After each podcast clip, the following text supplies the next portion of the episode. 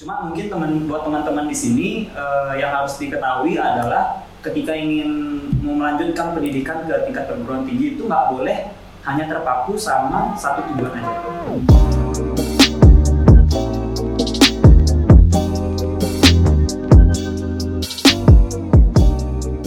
Nah setelah tadi kita berbincang dengan narasumber yang sangat inspiratif ya, kita kedatangan narasumber baru nih, narasumber yang juga pastinya inspiratif juga, nah, bakal ngasih kita insight-insight baru. Nah pasti teman-teman hoppers pada, uh, pada penasaran ya, siapa sih narasumber yang baru ini? Mari kita perkenalkan narasumber yang baru ini, mulai dari yang senior dulu ya. Ya boleh. Halo dulu ya, ya. Silakan silakan kakak tertua. Halo Hoppers, jadi perkenalkan nama aku Imadi Brahmana Sudantawan, biasa dipanggil Pram. Aku merupakan alumni dari SMA Kahraman juga, angkatan 51. Dan pada saat ini aku menempuh pendidikan di Fakultas Ekonomi dan Bisnis Universitas Udayana. Mungkin sekian aja, terima kasih. Oke, nice banget tuh kak. Udah dong, uh, lanjut silakan ke narasumber berikutnya. Oke, halo Hoppers semua. Aku Reski Gunawan Marpaung, biasa dipanggil Gunawan. Aku alumni SMA Harapan lulusan tahun 2019, 2019 angkatan ke-52. Sekarang aku kuliah di Politeknik Pariwisata Bali, jurusan Manajemen Akuntansi Hospitality. Nah, oke, makasih banget buat perkenalannya. Nah, sekarang kita akan membahas topik yang seru juga nih. Topik apa tuh? Nah, pasti teman-teman hoppers di rumah tuh pada penasaran bertanya-tanya, kalau aku udah lulus SMA nanti mau ngapain ya? Atau kalau mau masuk kuliah, jalurnya apa aja sih? Kita kan masih belum tahu Iya gitu. benar. Kayak selain banyak tuh jalur masuk ya, apalagi kayak uh, sistem SNM dan SBM kita itu berubah-ubah gitu. Hmm. Nah kan sekarang kita narasumbernya ada yang dari 2018, 2019 kan. Rame nih, jadi kayak banyak kita uh, dapat insight ya tentang SNM SBM gitu. Boleh kali kita kayak nanya singkat dulu uh, kayak kakak semua ya narasumber di sini uh, masuknya lewat jalur apa atau boleh diceritain kayak uh, sistemnya gitu pengalaman atau pas masuk kuliah seperti apa gitu silakan Mungkin dari yang tua duluan ya. Oh, iya, yang, boleh. yang lebih dulu merasakan. Dewasa. Yang Enggak dewasa. Oh, dewasa. Masih muda. Masih muda ya? Ya, oke, jadi untuk jalur masuk perguruan tinggi itu setahu aku ada tiga. Hmm. Jadi yang pertama ada jalur SNMPTN. Jadi ini dinilai dari mungkin teman-teman juga udah pernah tahu ya. SNM itu dinilai dari nilai rapor. Jadi kalau misalkan nilai rapor memadai di salah satu universitas dan fakultas yang tuju, kemungkinan bakal diterima di fakultas dan universitas tujuan itu. Yang kedua, jangan bersedih mungkin teman-teman yang belum kesempatan dapat untuk SNMPTN-nya, kalian juga bisa masuk melalui jalur SBMPTN. Nah, di sini juga eh, di jalur SBMPTN ini kalian harus melewati tes tes tes lah istilahnya. Jadi kalian harus mempersiapkan diri bukan dari nilai raport kalian, tapi dari nilai tes SBMPTN tersebut. Dan kalaupun misalkan kalian uh, belum berkesempatan lolos lagi di SBMPTN dan takut dulu masih ada jalur berikutnya, jalur mandiri. Nah, banyak persepsi yang mengatakan bahwa mandiri itu selalu mengeluarkan uang temuan, cuman itu benar-benar harus dihilangkan teman-teman. Jadi sebenarnya mandiri itu juga ada tesnya. Jadi nggak melulu orang yang punya uang banyak dan yang bisa uh, ngasih sumbangan besar itu yang lolos. Tapi sekarang udah universitas-universitas udah pinter, jadi nggak hanya dia melihat berapa sumbangan yang dikasih, tapi tentunya juga dia ngelihat hasil tes dan output dari kalian sendiri. benar Jadi ya persiapin aja deh diri kalian masing-masing untuk menghadapin tes-tes uh, yang bakal kalian lalui. Nah, Oh iya, dan juga kalau dari aku sendiri masuk Universitas Udayana itu lewat jalur SBMPTN. Salah satu teman kita yang berhasil berarti ini ya, lulus. Oh iya, Kamu tuh keren. Boleh dibilang? Kalau dari aku, eh, mungkin eh, yang aku ketahui tentang SNM, SBM, dan Mandiri itu sama seperti eh, yang dijelaskan Prof tadi. Cuma mungkin eh, case-nya di sini adalah memang aku tidak eh, masuk di perguruan tinggi negeri seperti itu. Nah, itu aja sih bedanya. coba ceritain dong kayak masuknya ke mana terus cara masuknya gimana sih Apa nih? Yang universitas yang PTN-nya? Iya, juga. Oh, yang Yang sedang aku. masuk. Oh, kalau aku itu kan eh, Politeknik Pariwisata Bali ya. Jadi eh, itu ada juga tuh nama tesnya. Jadi eh, kalau misalnya yang masuk masuk PTN itu namanya SBMPTN, kalau yang pariwisata ada punya namanya SBMPTNP. oh, apa tuh kepanjangannya Eh, seleksi bersama masuk perguruan tinggi negeri pariwisata Hmm. kayak gitu. Panjang ya. Panjang ya. Panjang. Jadi ya panjang gitu. Tapi eh, apa ya? Jadi eh, Kemenparekraf itu tuh uh, punya punya enam kampus yang dinaungi itu tuh ada di di Bali salah satunya lalu ada juga yang di Medan, Makassar, Palembang, Lombok, uh, ya adalah tempat-tempat lain aku lupa juga. Hmm. jadi jadi itu tuh uh, yang enam pariwisata enam pariwisata negeri punya kementerian itu tuh uh, kalau masuk harus ikut namanya tes SBMPTN kayak gitu. Ada juga jalur mandirinya. Jadi Oh, beda ya? kurang kurang lebih sama sih kayak masuk PTN, cuman emang nggak ada sih yang jalur SNM PTNP-nya. Hmm. Jadi tes semua. Oh gitu, berarti kan kita udah tahu nih ya Kapram sama Gunawan masuk ke Universitas Udayana, Poltek Poltek Park Bali. Nah, itu memang dari kelas 12 udah ada perencanaan gitu atau mungkin dari awal SMA aku memang udah mau masuk sini, udah punya jurusan yang dituju gitu atau sebenarnya masih dilema sih mau masuk mana. Hmm. Akhirnya yaudah masuk aja lah ke mana aja yang diterima kayak gitu. Penting kuliah gitu. Kan banyak Aku tuh. pengen kuliah nih, udah ke mana aja masuk gitu ya. Iya kan, coba eh, ceritain lah kayak gimana caranya eh, kalian bisa mantep gitu milih jurusan itu atau bener gitu. Siapa duluan nih? Bebas. Bos. Aku dulu. Siapa duluan? Boleh. Ya udah dari yang Iya. dewasa duluan. ya. Dewasa. Ada yang bullshit. yang bullshit. Jadi eh, kalau aku tuh sebenarnya pas SMA itu emang pengennya juga ke perguruan tinggi negeri. Cuma mungkin teman buat teman-teman di sini eh, yang harus diketahui adalah ketika ingin mau melanjutkan pendidikan ke tingkat perguruan tinggi itu nggak boleh hanya terpaku sama satu tujuan aja. Hmm. Itu sih yang aku rasain dulu. Jadi eh, kalau dulu aku SMA pingin banget masuk eh, arsitektur. Arsitektur. dan aku itu uh, bukan-bukan aja ya. Aku dulu tuh uh, uh, dapat kesempatan untuk SNM itu aku coba di Brawijaya cuman gagal. Terus aku SBM itu di di UGM sama Universitas Sumatera Utara. Cuman tuh nggak dapat juga. Jadi uh, pada saat kelas 12 itu tuh uh, aku berpikir nih kalau misalnya cuman nyari arsitek aja terus nggak terus nggak dapet gimana ntar ya? Apakah aku harus gap year apa segala macam? Dan aku tuh orangnya emang nggak mau gap year kan nggak mau gap year jadi se- aku sempat diskusi juga dengan orang-orang sekitar. Jadi kayak mereka tuh masih saran jangan hanya terpaku sama satu tujuan aja coba cari eh, maksudnya coba eh, eh, cari-cari di internet sana entah apa yang apa yang maksudnya prospek ke depannya itu bisa mendukung kamu di dunia industri nanti kayak gitu Sebagai backup plan gitu. Iya, backup plan. Jadi kalau eh, apa ya? Emang sih kita punya goals, cuma kalau emang kita ingin survive di masa depan nanti kan kita nggak boleh stuck di goals kita itu doang. kan. Hmm, benar setuju banget. Jadi eh, pada saat itu eh, aku akhirnya membuat tiga buah pilihan. Yang pertama ingin ke PTN, PTN. Lalu aku ingin ke pilihan kedua aku itu aku ingin nyoba masuk ke kedinasan. Dan yang ketiga tuh aku ingin ke eh, pariwisata. Nah pariwisata ini unik nih. Aku baru memutuskan itu pas di kelas 12 semester 2 Oh, baru berarti baru ya. banget. Kenapa? Jadi eh, apa ya? Di lingkunganku itu bilang eh, kamu kalau mau kuliah eh, lihat lingkungan sekitarmu juga. Lingkungan sekitar itu gimana sih? Aku sempat eh, konsultasi juga kan. Emangnya kalau kamu kalau mau eh, arsitek mau nyarinya di mana? Kalau arsitek itu katanya sih yang bagus di Bandung seperti itu kan Hmm.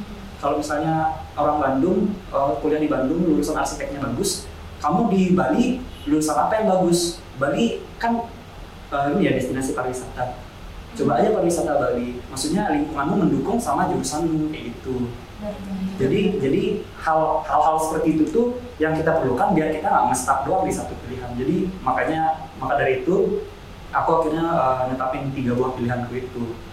Nah sayangnya pilihan pertama dan kedua itu eh, belum belum ada jalan. Cuman ya bersyukur aja dapat jalan di pilihan ketiga. Dan yang paling penting juga sih kalau udah membuat pilihan harus pilihan yang punya prospek depan. Jangan kayak ah aku pengen kuliah nih yang mana aja masukin masukin yang penting Oh, jangan kayak gitu Pasrah ya gitu. iya dan pasrah sih kalau perang gimana Gimana dia pertanyaan lupa? Yang panjang standar berapa? Udah lupa. sudah ngantuk Tadi pertanyaan gimana? Gini, bisa diulang lagi kawan kita nih Iya, pikun soalnya maklum. dewasa dewasa. Ya, jadi pertanyaannya tuh apa mungkin Kak Pram udah dari awal SMA itu punya passion mau masuk jurusan ini, universitas ini baru kelas 12 itu baru kepikiran Oke, jadi nemuin passion dan tujuan mau kuliah di mana itu merupakan mungkin bisa aku bilang salah satu hal yang paling sulit ya di kalangan anak SMA. Soalnya tidak bisa kita pungkiri banyak banget nih teman-teman yang masih duduk di bangku SMA kalau ditanya mau kuliah di mana dan besar nanti menjadi apa, Hmm. pasti semuanya ya sebagian besar lah masih bingung. Eh, nah, aku sendiri termasuk orang yang kayak gitu, termasuk orang yang bingung. Jadi dari kelas 1, kebetulan kan aku emang masuk di kelas IPA. Dulu SMA di kelas IPA. Itu karena orang-orang pintar. enggak masuk karena orang bingung. Jadi lu kan masuk IPA aja. Jadi kan IPA tuh kita apa kategori orang IPA tuh ada dua ya, pintar dan Pintar dan bingung. Karena aku bingung. Soalnya pas kalau masuk SMA itu diarahin emang IPA. Karena emang dari segi nilai-nilai mungkin contoh IPA kan yang biasalah sebelum masuk SMA itu ada tes gitu. Ada tesnya. dan ya karena aku bingung nggak tahu mau ke mana ya udah ngikut aja. Masuk IPA sampai akhirnya kelas 12 masih nggak tahu mau ke mana. Dan terus ditekan sama orang tua ntar mau kuliah di mana? Mau kuliah di mana? Dan sampai kelas 12 semester 1 belum tahu jawabannya. Belum tahu jawabannya mau ke mana. Dan belum tahu ntar besarnya menjadi apa.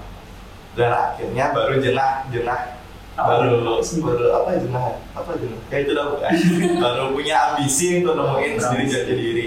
Jadi pas itu baru buka semua fakultas-fakultas jurusan-jurusan yang ada universitas yang ada dan coba cari lebih mengenali diri sendiri. Mungkin itu yang PR bagi teman-teman generasi muda. Sebenarnya kita tuh banyak yang nggak kenal sama diri kita sendiri. Benar. jadi Siapa? hal kayak gitu ya siapa? Gimana? Misi ya itu. Agak lupa ya. Jadi hal yang pertama kali harus kita lakuin, harus kita uh, tekan itu adalah coba kenal diri sendiri. Apa sih yang kalian suka? Dan pada saat itu baru aku sadar aku tuh suka di bidang bisnis.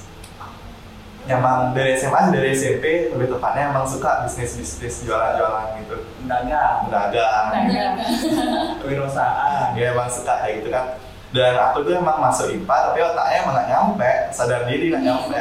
Di kelas pun bikin paling buat jadi benci istilahnya paling goblok. Tapi lolos SBM. ya itu kan Karena apa usaha. karena usaha. Itu beda cerita. Oh, Oke. ada lagi ceritanya. Ini dulu deh jadi setelah kelas 12 semester 1 baru ngumpus diri buat kenal diri sendiri siapa sih aku dan apa potensi terbesar dalam diriku. Baru tahu oh ternyata emang suka bisnis nih kita cari apa sih? Fakultas yang emang eh, bisa mempelajari itu lebih dalam dan ketemulah ekonomi dan bisnis jadi sekedar informasi nggak semua universitas punya fakultas ekonomi dan bisnis ada beberapa yang masih namanya fakultas ekonomi aja Oh iya. Oh, itu iya, beda benar-benar. nah itu hal yang berbeda berbeda. Iya, jadi kalau kita masuk di fakultas ekonomi, ya udah pelajaran tentang ekonomi, entah kerja di bank, Hmm. kerja di perusahaan, jadi manajemen atau SRD. Tapi kalau udah ada namanya eh, ekonomi dan bisnis, itu juga kita diajarin gimana cara manage sebuah bisnis yang kita mulai.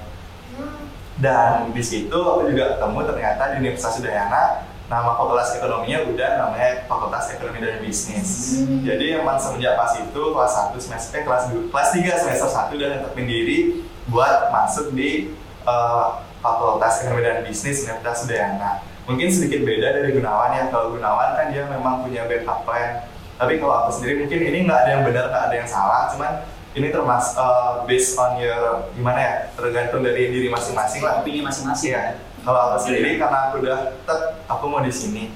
Jadi ya udah aku nyarinya emang fakultas ekonomi aja. Kalau emang nggak dapet, aku cari universitas yang lain. Bukan fakultas, dengan jurusan yang sama. Jadi aku udah mantauin, aku suka di ekonomi, aku suka bisnis.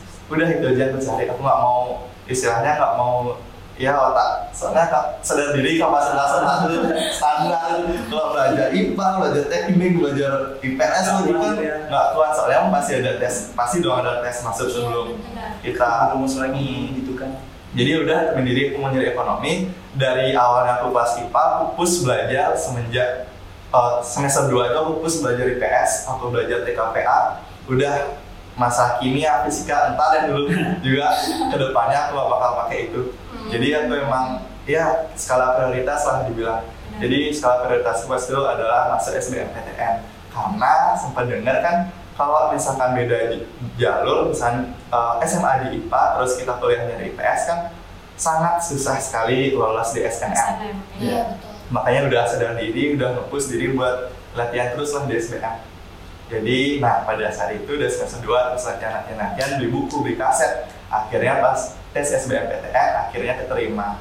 Dan sampai sekarang udah jalan ke semester kelima benar-benar nggak ngerasa sih salah pilih jurusan. Karena itu jadi teman-teman pesannya buat teman-teman semua temuin dulu siapa diri kalian apa kesukaan kalian passion kalian apa dan kalau udah ketemu push dan kalian cari tahu gimana cara masuk fakultas itu jurusan itu universitas itu universitas itu dan push diri kalian untuk belajar dan berlatih kalau udah kayak itu aku yakin pasti kalian juga sukses di kemudian hari Amin. mungkin itu aja sih Aku ntar jalaninnya jadi lebih enak ya, Iya. nggak ada tekanan. Mau, mau masuk semester tinggi pun, mau persiapan nyusun skripsi pun ntar ah enjoy. Aku Soalnya suka udah- ini men. udah- Aku suka- udah itu iya. biasanya. Aku suka ini men. coba misalkan itu misalkan aku udah eh, di SMA kan IPA aku ngerasa aduh ntar rugi nih IPA aku yang aku belajar SMA tiga tahun kedokteran gitu kan. aku pas saya ke kedokteran atau ngambil fakultas MIPA kan entar jadi beban di sini Iya. misalkan di pertengahan jadi eh, stuck itu kan bahaya Ah, iya, rugi waktu rugi uang Banyak juga itu kan yang udah tengah-tengah, aduh udah lah, Iya. ya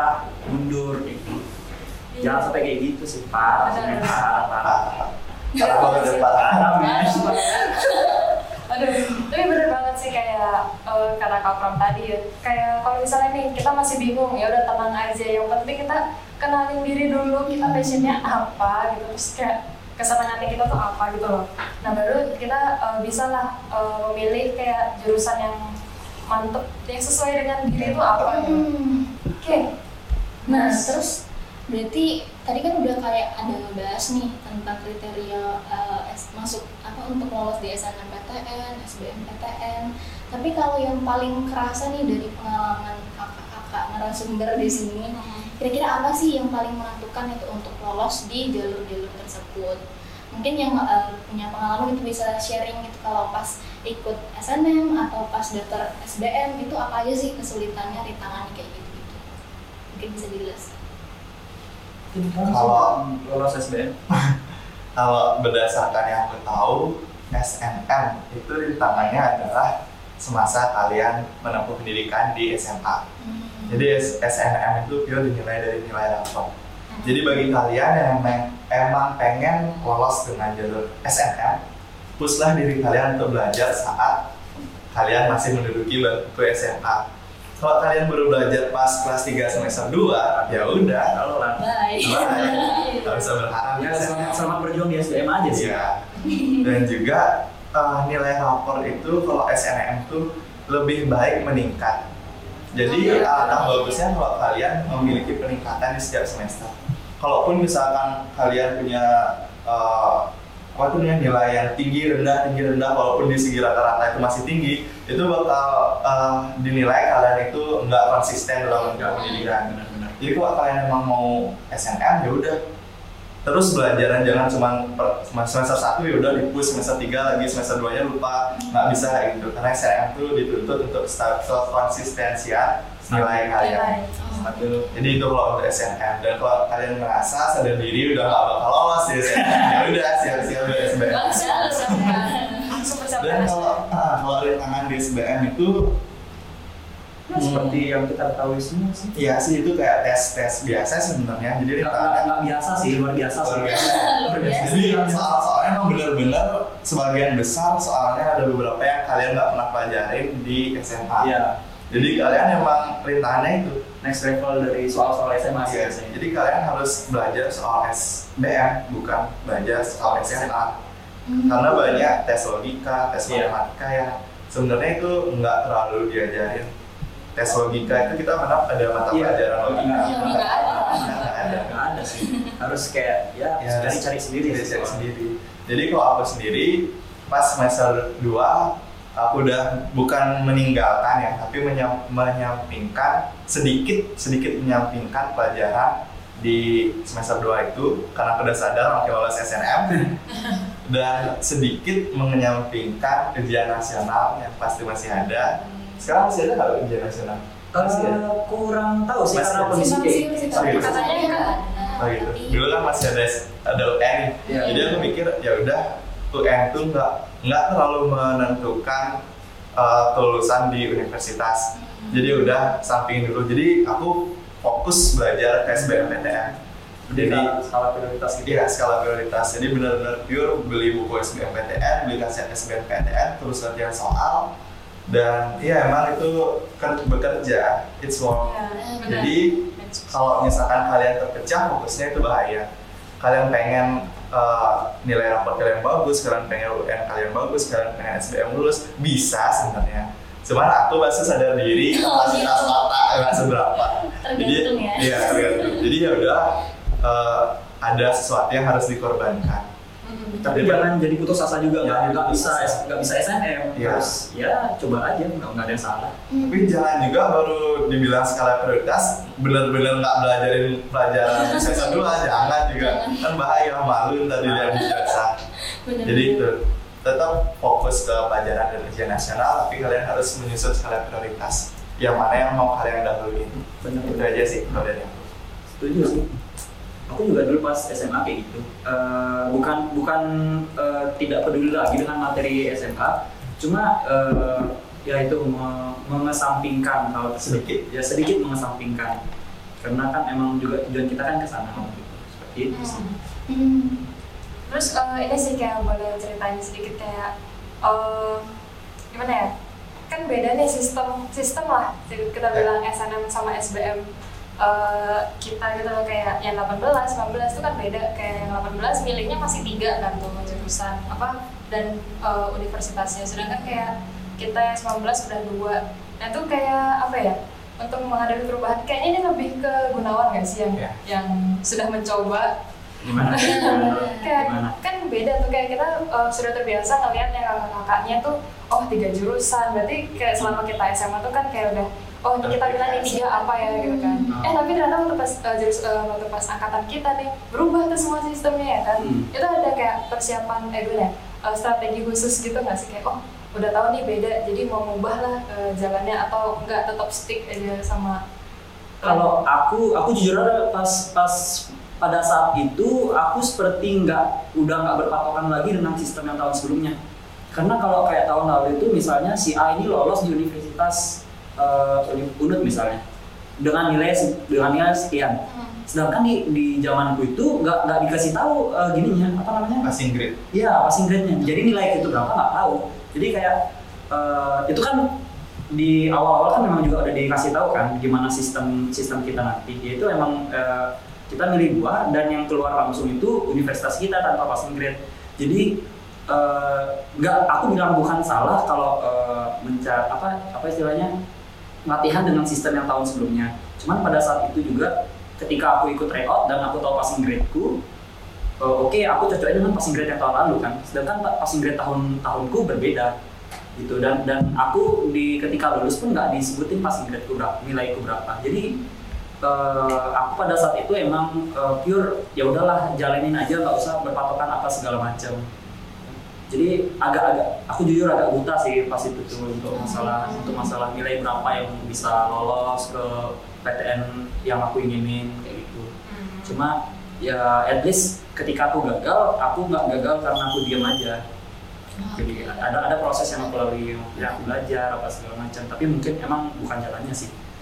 Gak usah putus asa kawan. Banyak- ada jalannya. banyak jalan di luar sana. Nah, kan kita tadi udah pada uh, tanya-tanya tuh tentang SMM, SBM. masuknya. Hmm, pengen tahu nih kira-kira kakak narasumber Kak Pram Gunawan itu pernah ikut bimbel nggak sih untuk mempersiapkan bimbingan belajar gitu kan? Untuk ikut SBM kan biasanya banyak tuh yang Ah, menyediakan. ah, Iya ya. Atau lebih milih untuk ah belajar sendiri aja, mampu juga kok gitu. Siapa tahu. Oh, oke. Mungkin dari aku dulu ya, Pram, ya. Kalau eh, aku bimbel, ikut bimbel online aja sih. Hmm. Ikut ikut bimbel online. Eh, tujuannya ya kayak biar aku bisa belajar di rumah aja. Jadi kayak gak terikat harus datang ke tempat bimbel. Nah, emang emang aku ikut sih. Cuman eh, ya aku menyadari juga kalau ikut bimbel tuh bukan jaminan 100% bisa lulus. Jadi ya kita harus take the risk juga sih mungkin keluar uang juga cuman ya ya itulah salah satu salah satu resiko yang harus kita ambil di masa-masa seperti itu Hmm. itu ikut bimbel Kalau? Kalau aku sendiri nggak bimbel. memang jagoan. Soalnya bukan jagoan. Jadi mas mikirnya eh, aku itu nggak suka belajar ditekan Jadi di kelas tuh emang benar-benar kosong ya. Kosong kosong nggak nggak bisa eh, setiap orang itu punya cara belajar masing-masing. Hmm. jadi itu juga harus kalian tahu. Kalau memang kalian nggak bisa belajar di suasana kelas nggak usah numpuk beban kalian dengan ikut bimbel tapi kalau memang kalian suka belajar di suasana kelas dibimbing sama guru itu bagus it's okay. Jadi itu bagus banget ikut bimbel cuman karena aku udah sadar aku udah sadar aku nggak bisa belajar dengan disuapin ditekan Hmm. dan diatur ya udah buang-buang waktu. Soalnya dulu pas SMP ikut bimbel dan emang tertekan. Bukan tertekan di belakang di pojokan main HP sia-sia. jadi ya udah emang udah sadar diri nggak bisa ikut bukan nggak bisa ya.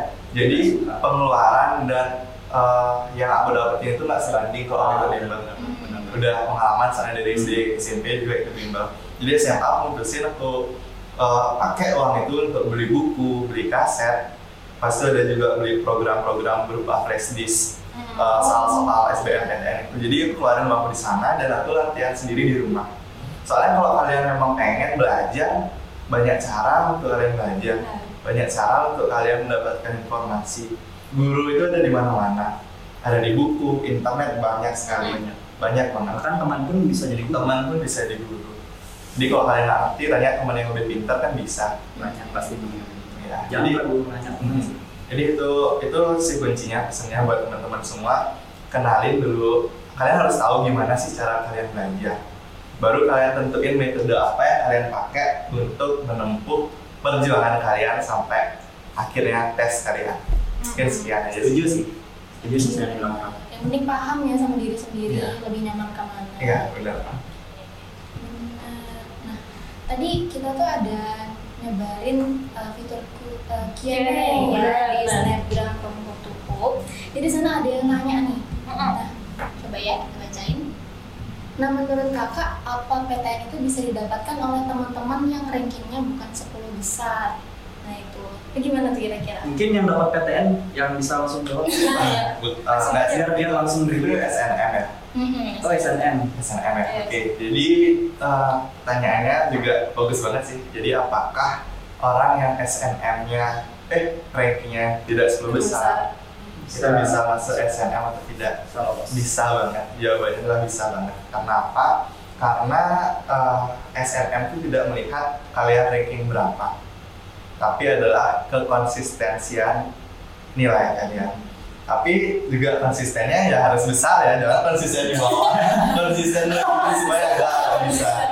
Nah, jadi kalau kalian memang konsisten, misalkan 80, 82, 85 itu konsisten sekitar 80-an sampai 90-an sampai akhir semester kelas 3 semester 2 itu kalian punya peluang. Kalian juga harus tahu uh, tempat atau universitas SNM tujuan kalian. Bisa tanya-tanya sama kakak lalu. Kak nilai rapor kakak berapa sih? Kok, kok bisa lolos di sana? Bisa kok tanya-tanya itu. Soalnya dulu di kelasku juga ada dia ranking bawah kok bisa dibilang nggak ranking peringkat atas nggak masuk 10 besar. Soalnya kan dia di bawah kamu di peringkat atas sih. Iya, itu benar. tapi dia lolos di mana pas ini kayaknya kalau nggak salah. Brawijaya. Di iya di Brawijaya Brawijaya. Brawijaya dia bukan masuk top 10 lah di kelasnya. Cuman nilainya dia emang stabil stabil bagus. Dan buktinya dia lolos di Iya, Brawijaya aku aku dengar sih cerita dari yang satu satu tingkat di atas. Iya, itu ada seperti itu.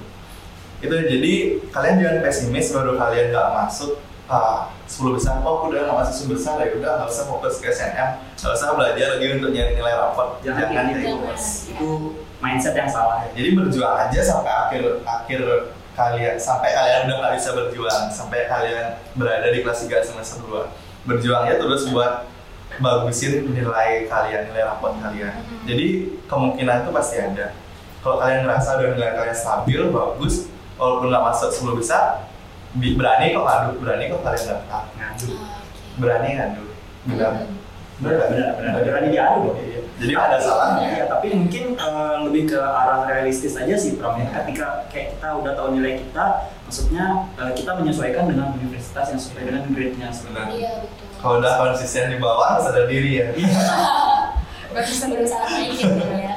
Maksudku dalam artian ketika mungkin memang nilai kita konsisten di angka 82, 83, 84, 85, eh, kita bisa cari ke universitas yang mungkin grade-nya seper- eh, grade-nya yang sesuai dengan nilai kita. Benar, benar. Kalau memang kita ingin lolos dari jalur SNMPTN, karena karena eh, nggak banyak juga sih cerita. Oh, nilaiku stabil tapi aku masukin ke universitas ini eh, nggak lolos. Ya itu mungkin karena itu. Ketika nilai kamu stabil tapi diadu dengan nilai orang yang lebih tinggi stabilnya kan bakal bakal kalah Kalah juga. juga benar. jadi emang eh, ini sih lebih ke arah research sih.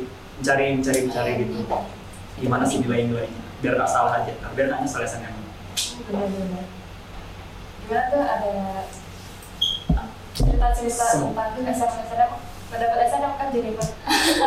Iya jadi itu memang ada awalnya ya kan. Kalau dari sebenarnya awal kelas 1 SMA itu agak nggak nyangka sih kok bisa dapat nilainya ya cukup lah bisa dibilang. Hmm. Terus akhirnya karena udah istilahnya kebetulan mendapatkan nilai Hmm. segitu, eh ya udah kenapa nggak dilanjutin aja gitu. Akhirnya Hmm. coba untuk mempertahankan juga. Hmm. Tapi sempat memang ada masa-masa di saat kayak aduh udah capek nih capek malas dan akhirnya beneran agak ngedrop di situ Ah. tapi setelah itu tetap berusaha bangkit lagi karena ah masa baru segini langsung ngedown sih langsung nggak mau eh, nggak mau berusaha lagi gitu ya udah akhirnya coba untuk terus lanjut dan ternyata bisa gitu Keren. Keren. Mm-mm. Jadi intinya jangan berhenti, benar harus tetap dicoba. Dicoba jangan kayaknya moderatornya lebih keren dari kita ya gitu. Iya. lebih lebih lebih jago loh. Lebih inspiratif. Ya, kita, kita di sini ba- baik uh, moderator maupun narasumber harus tetap keep inspiring, keep motivating. Oke, masuk ya.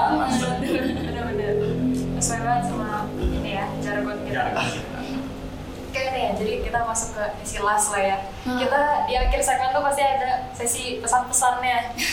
Baik. Coba eh, berilah kata-kata mutiara yang bagus ya buat eh, para hoppers yang masih dengerin ya, yang dan yang lagi dengerin. Eh, ini kasih deh pesan-pesan setelah dia apa ya untuk mempersiapkan kuliah lah setelah dia lulus SMA tuh ngapain gitu kayak eh, mungkin boleh nih kayak aku boleh ngasih pesan ke hoppers bener kayak tadi eh, setelah kita ngobrol-ngobrol jangan pantang menyerah lah untuk belajar gitu. Masih banyak banyak banget jalan buat masuk ke kuliah ataupun ke eh, jalur lain di masa depan setelah SMA gitu kan gimana mungkin dengan sumber? Ada peduli ya. Eh, pokoknya jangan jangan pernah uh, nge-stuck di satu satu goals karena yakin dan percayalah itu banyak jalan menuju Roma guys. asik Kalian mungkin pernah dengar eh, kalimat seperti itu, banyak jalan menuju Roma, banyak banget jalan menuju kesuksesan. Intinya kalian terus belajar, terus mempelajari hal baru, terus mencari pengetahuan baru, pasti ntar kalian bisa jadi orang yang orang yang berguna di masa depan nanti. Keren banget ya. Keren, super sekali Mungkin dari Pram ada yang lebih keren, ya mas harus lebih keren dong. Uh, pesan dan apa nih pesan-pesan ya? pesan aja pesannya Hmm, jadi untuk teman-teman hopper semuanya, yang pertama sama kayak yang tadi aku bilang, yang pertama kalian harus lakuin, kita semua harus lakuin adalah kalian harus tahu siapa diri kalian. Setelah kalian tahu siapa diri kalian, langkah yang kedua adalah kalian harus tahu apa tujuan kalian dan ke mana pelabuhan kalian atau di mana pelabuhan kalian. Jadi setelah langkah kedua kalian tahu pelabuhan kalian di mana, langkah ketiga adalah kalian harus cari tahu bagaimana caranya untuk sampai di pelabuhan tersebut. Jadi kalian harus tahu metode apa yang kalian pakai atau jalan apa, cara apa yang kalian pakai untuk sampai di garis finish. Benar. Dan cara yang keempat adalah berjuang untuk menempuh metode itu sampai kalian sampai akhirnya di tujuan kalian. Hmm. Jadi teman-teman semua persiapan itu sangat penting. Jadi kalian nggak bisa cuma ngandelin keberuntungan di sini. Nggak ada yang kebetulan, nggak ada yang keberuntungan di sini. Jadi semuanya ditempuh dengan kerja keras, perjuangan dan pengorbanan. Jadi sedikit ada aku sempat dengar ada suatu pepatah yang cukup keren. Pepatah lagi. Jadi bunyinya adalah if you fail to prepare, you prepare to fail. Oh. Jadi ketika kamu sudah gagal dalam melakukan persiapan, ya udah kalian harus siap-siap untuk gagal. Kalau kalian nggak mau gagal, lakuinlah persiapan sematang mungkin. Dan kalau kalian udah melakukan semua itu, kalian udah tahu diri kalian, tahu di mana tujuan kalian, metode kalian, dan udah ngelakuin persiapan sematang mungkin, kalian harus yakin dan percaya kalian bakal jadi orang yang sukses di kemudian hari. Mungkin itu aja sih. Luar biasa ya dari saudara ini. Enggak. Memang lebih dewasa tuh lebih Itu seperti di Google.